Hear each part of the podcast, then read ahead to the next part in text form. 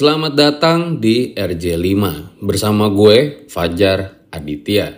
Sebelum dimulai, gue mau ngasih tahu kalau nggak cuma gue, tapi lo juga bisa bikin podcast. Mulai dari rekaman, edit suara, tambah lagu, sampai bisa lo lakuin sendiri dengan platform Anchor. Satu aplikasi buat semua kebutuhan podcast. Bisa di-download dari App Store dan Play Store atau bisa juga diakses dari website www.anchor.fm. Gak cuma buat, tapi lo juga bisa langsung share dan publish hasil rekaman lo ke Apple Podcast, Spotify, Stitcher, dan lain-lain dari Anchor ini. Yang paling penting, Anchor ini gratis. kita lagi tidur tiduran gitu malam-malam horden tuh buka sendirinya kom- horden kamar. Tapi komeng tetap enggak bukan gue katanya. Komeng dari muka juga kelihatan takut juga gitu ya. Nggak lama kemudian itu tiba-tiba ada bunyi doang jadi kayak apa ya? Kayak atap jatuh apa gitu benda kenceng banget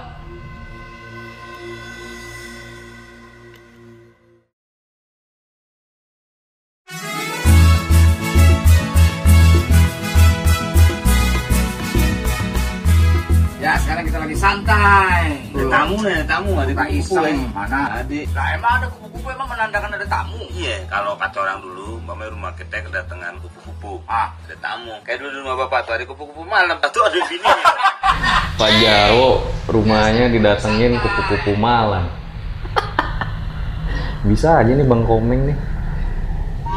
Maksud lu apa nih? Bawa bawa komeng segala si racun itu. Sosok yang menyerupai Pak Jarwo. Oh sosok menyerupai gue emang gua. Lo. Lu nonton apa sih? Ini Bang, video lo sama Komeng. Oh, Katanya rumah lu didatengin kupu-kupu malam. kupu-kupu malam. Gila aja dia mah. Kupu-kupu siang juga mah banyak Iya. yang datang. Siang. Ya kupu-kupu malam konotasinya kan beda lagi. Komeng didengarin loh. Uhuy. Iya.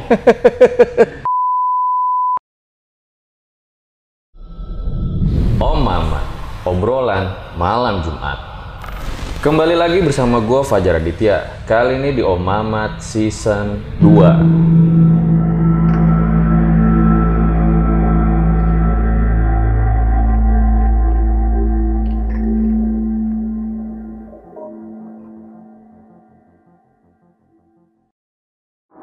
Terima kasih buat kalian yang telah klik video kali ini. Malam Jumat, waktunya sama narasumber. Nah, malam ini Kita kedatangan narasumber spesial jauh-jauh dari Belanda nih. Dia datang buat ceritain pengalaman horornya di tahun 1945.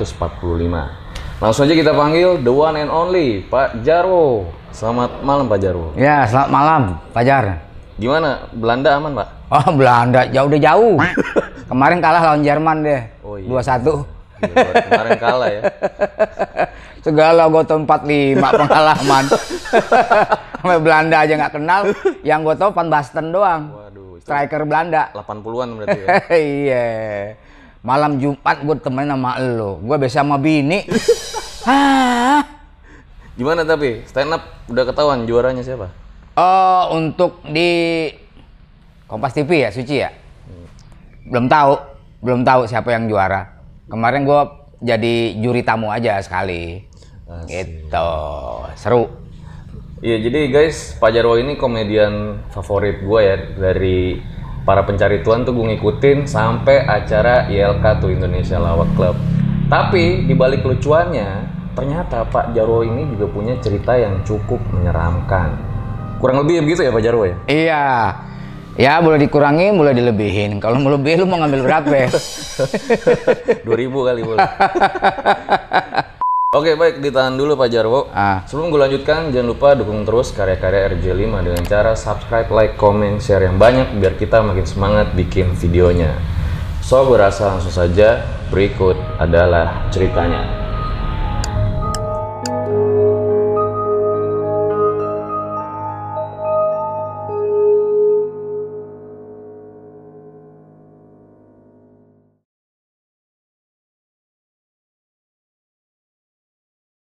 Iya, saya Jarwo Kuat eh, punya beberapa pengalaman tentang yang berbau horor ya. Itu yang pertama waktu saya masih kecil dulu di sebuah kota yang namanya Duri, Riau. Eh, sekitar tahun 74 atau 73 74 ya.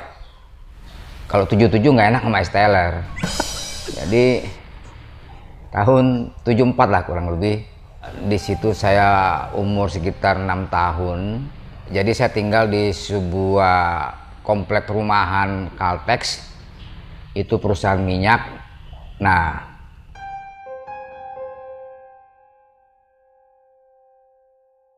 ada suatu hari itu jadi di pinggir komplek itu ada hutan. Nah, di samping di pinggir hutan itu ada belantara semak-semak begitu. Uh, abang saya itu yang nomor tiga, dia iseng-iseng sama teman-temannya itu bikin kebun-kebun lah. Nanam singkong, nanam kacang panjang, uh, ya macam-macam sayuran lah. Itu di hutannya memang nggak ada yang tinggal di situ. Nggak ada, emang tempat pengeboran minyak. Jadi di pinggirnya itu. Pas sore-sore itu abang saya ingin melihat kebunnya gitu, tanam-tanaman dia yang udah berbuah.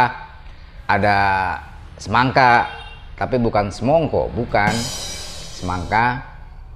Ah, sore-sore kemudian saya nyusul kurang lebih sekitar jam limaan sore gitu habis mandi saya nyusul sendiri pakai sepeda nah sampai sana saya lihat-lihat tanaman dari abang saya. Abang saya lagi bersih-bersih ada rumput-rumput liar kemudian juga disingkirin ada yang balap liar juga disingkirin.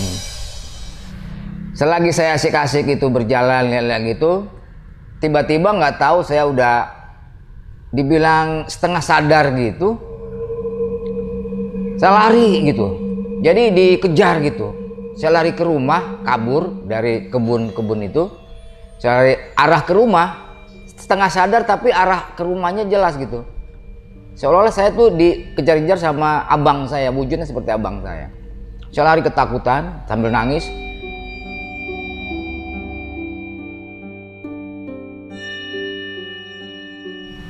Sampai saya masuk ke kamar mandi masih dikejar juga. Kemudian dipeluk sama ada asisten rumah tangga pas lagi nyuci saya digendong kemudian diambil alih sama abang apa bapak saya lah saya digendong nggak lama saya sadar setelah digendong kemudian panggil orang pintar ada nenek-nenek. Bukan nenek gayung bukan. Ada nenek-nenek lah pokoknya orang pintar. Saya diobatin dengan caranya dia. Kemudian uh, badan saya langsung panas semuanya. Sekujur tubuh panas semuanya. Nah besoknya itu kaki saya yang bengkak nih sebelah kanan nih bengkak nih. Dari mulai dari betis sampai bawah bengkak. Gede. Kayak kaki gajah gitu ya. Bukan gajah catur bukan. Gajah bengkak satu nih. Diceritain sama nenek itu bahwa saya itu nginjak anak setan katanya. Pas di kebun itu? Ya, pas di kebun itu. Saya nginjak anak setan. Nggak tahu setan kok anaknya sampai main-main juga di situ. Mungkin ada anak kecil juga kali ya. Dia mau ikut main juga, keinjak. Tapi saya nggak tahu, nggak lihat wujudnya anak setan itu. Itu pas lo dikejar sama abang lu, Mm -mm. bukan abang lo yang bener? Bukan abang yang benar. Wujudnya seperti abang saya sendiri gitu, abang gue sendiri. Ada yang aneh nggak dari pas lo dikejar itu? Yang aneh apa nggak ada sih yang aneh maksudnya seolah saya dikejar, gue dikejar sama ini gue, sama abang gue gitu. Tapi lu pengen lari aja gitu ya? Tahu Ngelari terus aja, Tahu sampai rumah, nggak pengen ditangkap sama abang lo gitu? kayaknya mau ditangkap kayaknya, kayaknya mau ditangkap. Firasat lu gue harus kabur gitu? Iya harus kabur. Harus Padahal kabur. itu abang lu yang lu lihat. Iya, yang gue lihat tuh abang gue. Kejar terus. Nah, kena nggak tahu sampai kok bisa gue sampai ke rumah gitu. Padahal itu di setengah sadar. Dalam arti nggak seperti normal sadar seperti sekarang gitu biasa. Begitu enggak kayak gimana gitu. Pikiran kita nggak nggak tahu ke mana gitu ya. Pokoknya dikejar seolah gitu. Dan lu tanya abang lu, bukan dia yang ngejar. bukan. Bukan abang gua. Ya mungkin itu emaknya setan itu kali ya. Karena dia kesal kali anaknya diinjak keinjak sama gua gitu. Tapi setelah itu lu masih sering ke kebun main. terus itu nggak lagi kapok Kapok. gue takut ketemu emaknya setan kan mau ditungguin itu lima hari apa sih ah ya lima hari gue panas badan badan semua Setelah panas kejadian itu. Iya. Bahkan kaki lu sampai bengkak. bengkak bengkak itu bayi 10 hari Nggak jelas sih kenapa bengkak. nggak tahu nggak ada lu lari kan? enggak bukan karena gue lari kalau gue lari kan dua-duanya bengkak ini satu doang sebelah kanan sini dari betis sampai Gede sini. gede. Nggak ada luka nggak ada apa. Bengkak aja gitu. Kayak orang sakit kaki gajah gitu.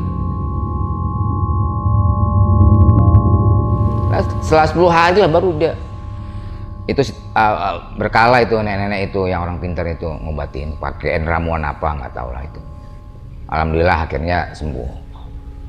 Tapi sebelum lu ngalamin kejadian itu ya, Bang Jarwo ya, memang hutannya dikenal angker atau biasa aja gitu. Hutan ini nggak biasa aja nggak terkenal angker. Tapi ya namanya hutan kan. namanya hutan kan nggak ada manusia istilahnya gitu kan. Terus sore-sore mau maghrib menjelang maghrib lagi kan. Seumur hidup baru itu kesurupan.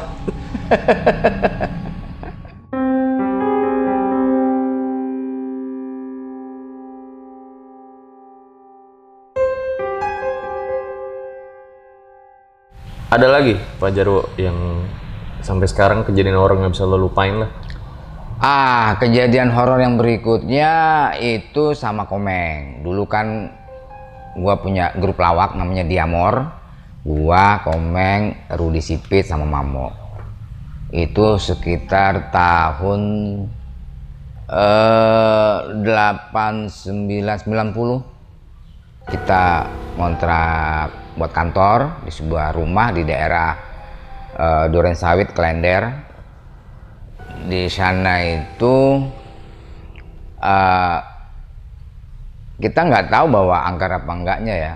Belum pernah ada kejadian sebelum sebelumnya saat kita nginep gitu ya di kamar ada berapa orang termasuk komeng juga itu.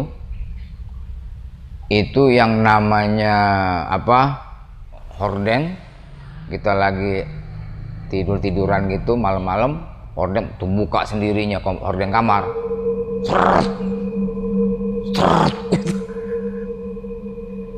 Itu semuanya pada lihat tuh. pada lihat pada kaget. Mungkin ada yang iseng kali. Komeng kan tahu sendiri orang yang jahil kan? Enggak bukan gua. Bener serius. Ah lu kali meng. Anak nakutin anak-anak. Tetap anak-anak nggak percaya. Bahwa itu setan atau hantu gitu yang punya keisengan kayak gitu tapi komeng tetap enggak. Bukan gue katanya. Komeng dari muka juga kelihatan takut juga gitu ya. Nggak lama kemudian itu jaket yang digantung di di belakang pintu belakang pintu kamar itu beberapa jaket sampai terbang-terbang jatuh. Wah anak-anak pada kabur keluar. Ketakutan. Baru percaya itu bukan komeng. Kamu mungkin komeng kan di sini pintunya di sono kan. Terbang sendiri tuh iya. Banyak. oh, oh, ada beberapa gitu jaket teman-teman baju pada terbang kan pada jatuh gitu Hai, sebelum kita lanjut, kenalan dulu yuk sama partner misteri gua. Namanya Anchor. Anchor ini adalah all-in-one podcast editing platform yang membuat gua lebih mudah untuk rekaman, edit suara, tambah lagu, dan segala hal dalam pembuatan podcast yang sedang kamu dengerin kali ini. Anchor bisa membantu kamu bikin podcast kamu sendiri. Caranya tinggal download dari App Store dan Play Store atau bisa juga diakses di www.anchor.fm. Jadi buruan download Anchor sekarang. udah anak kota katu pada keluar semua pada keluar langsung duduk di ruang tamu Itu hari keberapa pas nginep? Baru malam pertama? lupa kalau gue soal itu hari keberapanya setelah kita ngontrak nah nggak taunya gara-garanya itu ada kru atau office boy. Ah itu ada office boy. Nggak tahu dia lagi dia bersih bersih. Ada di belakang itu di belakang dapur ada tumpuk-tumpukan barang-barang rongsokan. Dan posisinya itu memang apa ya lembab. Lembab. Nah dibersihin sama dia. Mungkin nggak ada izin nggak ada apa gitu ya. Nah mungkin marah itu kali penunggunya itu rumah nah anak-anak perkirakan seperti itu. Gue besoknya malam langsung gue baca yasin. Sampai tiga kali gue baca yasin. Bukan ayat kursi Yasin ya. Enggak, baca yasin bol tiga kali terus. Udah. Setelah kita panggil orang yang bisa juga akhirnya udah nggak ada gangguan lagi. Gitu. Tapi bener-bener ya itu korden buset. iya orden Berapa kali? Gitu, terus jaket pada berjatuhan semua. Anak-anak pada ngibrit lagi keluar semua. Brrr, gitu keluar kamar. Bang Komeng gimana tuh mukanya? yang sama aja takut juga. Biasanya dia yang di yang yang jahil dia yang dijahilin Makanya dikira dia nih ngerjain. iya. Nggak taunya jaket terbang ya. iya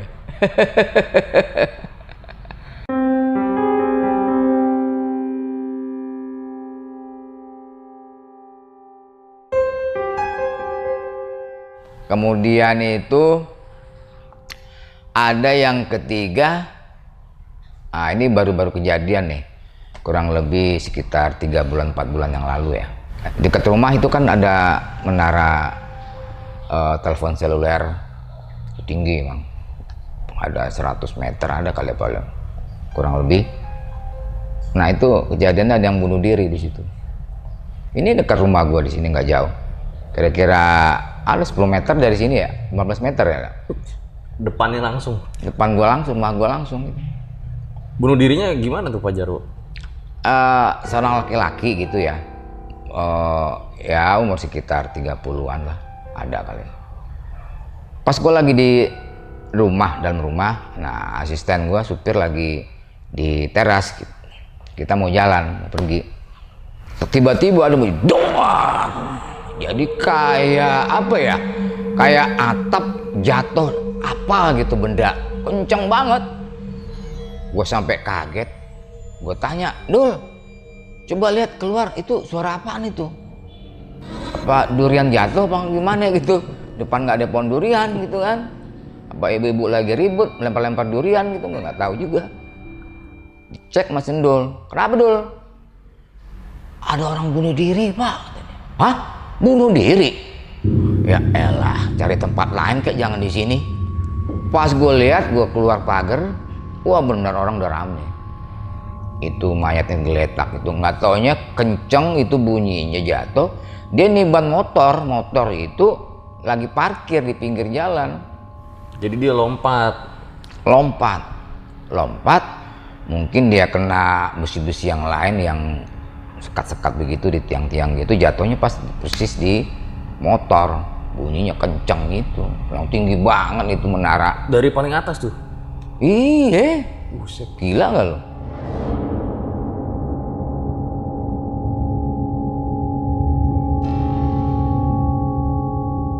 pas yang rumah di depan menara itu eh ngapain lu? Turun turun. Dia tetap nggak mau. Apa lu? Malah nantangin emang agak stres sih dia. Tetap manjat ke atas.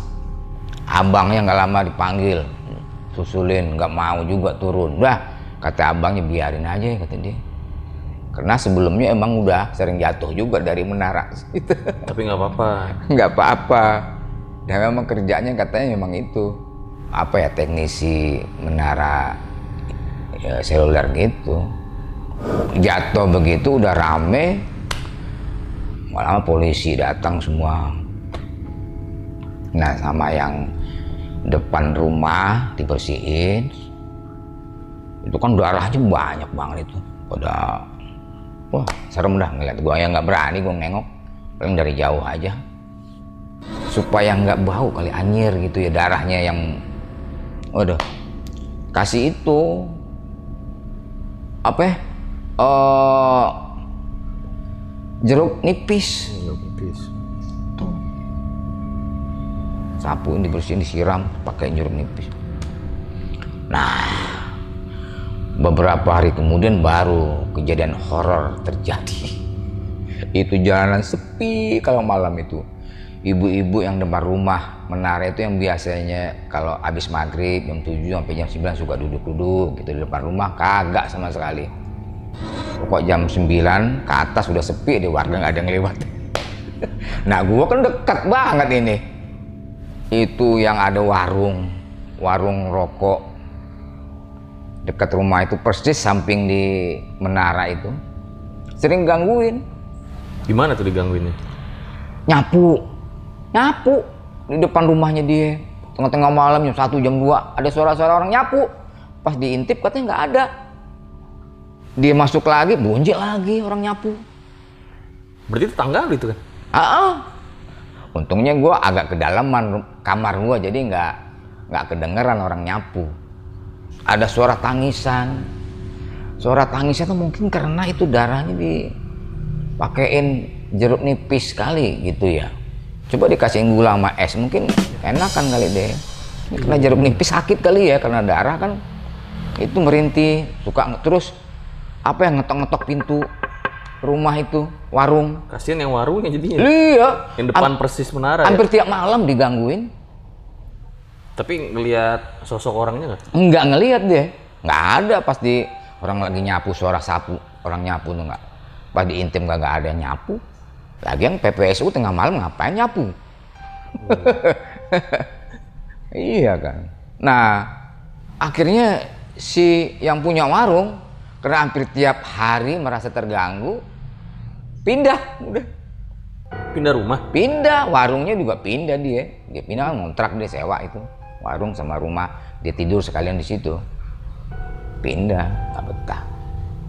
Nah yang horornya lagi pas gua pulang syuting itu sekitar jam 11 malam kan sepi udah tuh jalanan depan rumah gua Eh, supir gua berhenti depan pintu pagar kemudian gua turun gua mau bukain pintu pagar buat mobil masuk pas gua turun dari mobil gua lihat ke belakang ada sosok laki-laki sambil jalan ke arah gua pakai topi gua pikir ah orang mau lewat aja gitu kali ya Mau nyamperin Pak Jarwo gitu.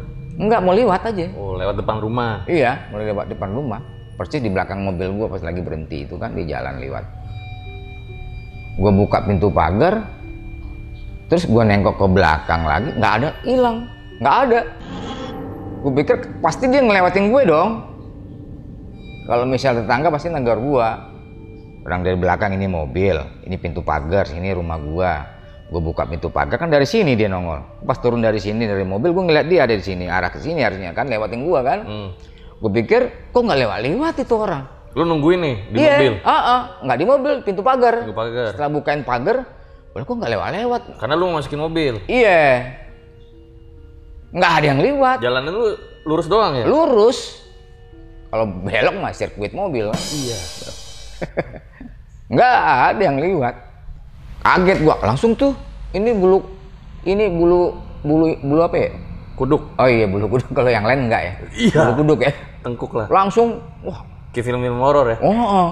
gue nggak ceritain ke supir gua kan dia takutan kali. Minta keluar lagi. iya. Udah, nah besoknya sama istri gue juga nggak cerita pas gue pulang.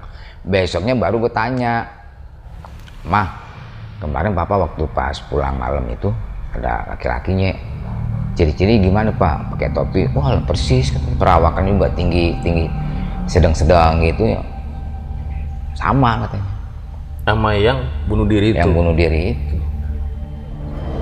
Padahal gue selama ini nggak apa namanya untuk melihat wujud apa setan nggak pernah gue jarang. Baru ini doang Bukan ya? jarang ya, maksudnya nggak pernah ya. Nah baru ini aja pas kejadian kemarin yang bunuh diri depan rumah itu. Maka jangan deh lu bunuh diri dah. Udah sia-sia hidupnya, matinya. Nah, Bisa nakutin juga. orang. Iya. Tapi itu, eh, jangan. apa namanya? Sebelumnya memang lu gak kenal sama yang bunuh diri itu ya? Nggak kenal, nggak kenal. Tapi orang kampung sini juga, beda kelurahan doang. Gitu jar. Serem juga ya. Ya serem gak serem dah. Mau. Ya tapi setelah itu sekarang udah nggak lagi lah. Aman gangguan, nggak ada lagi. Itu doang ya berarti ya yang Ya. pada saat itu ya. Ah, itu ah. mungkin lu nggak tahu juga kali, Bang Jaro. Warga yang lain juga pernah ngalamin kali. Ah nggak tahu deh kalau warga yang lain. Karena kan yang tetangga lu aja nih yang warung sampai pindah Ngalamin, lu. iya. Nggak tahu, nggak Nggak cerita. Nggak denger kali ya. Iya atau mungkin kedengeran. ya warga gua mungkin nggak ada yang cerita kali. Takutnya kan pada takut ntar. Gitu. Oke. Itu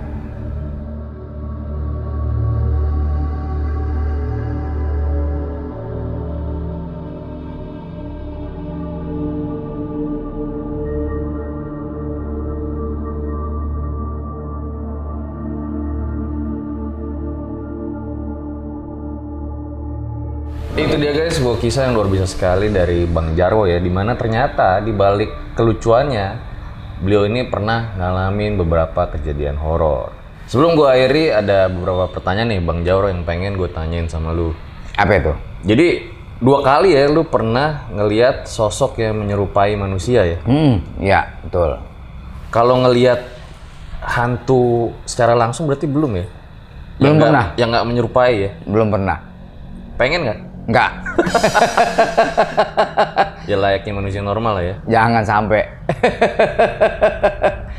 ya, gua kita sebagai eh, apa namanya makhluk ciptaan Allah kita harus percaya yang namanya goib itu pasti kan Allah menciptaan Allah jin dan manusia itu kan ciptaan Allah ya. Soal apakah cerita ini dipercaya atau tidak itu urusan masing-masing. Tapi yang jelas gua ngalamin itu. Gitu. Oke. Dan intinya ketika ngalamin hal kayak gitu, Mm-mm. ya udah, maksudnya berdoa aja minta perlindungan sama Allah Subhanahu wa taala ya. Iya pasti gitu. Oke deh, gua rasa cukup demikian ya Bang Jarwo episode Om Mamat pada kali ini. Thank you banyak nih udah menyempatkan waktunya bercerita di RJ5. Jangan lupa juga nih subscribe channelnya Bang Jarwo nih. Jarwo Kuat Channel. Ada apa aja Bang di channelnya Bang? Ada risol, ada somai, macam-macam. Beli dua gratis satu enggak? Bukan ada obsesi, obrolan setengah singgit, ada juga JK Jarwo Kuliner juga ada di situ. Widih mantap. Oke deh Bang. Sukses selalu nih channelnya ya. Sama-sama. Oke. Ambil baiknya, buang buruknya. Dengan adanya cerita-cerita seperti ini, jangan malah menjadikan kalian takut. Akan tetapi, kalian harus semakin yakin dan percaya dengan kebesarannya. Gue Fajar Aditya, Bang Jarwo, RJ5 undur diri. Ciao.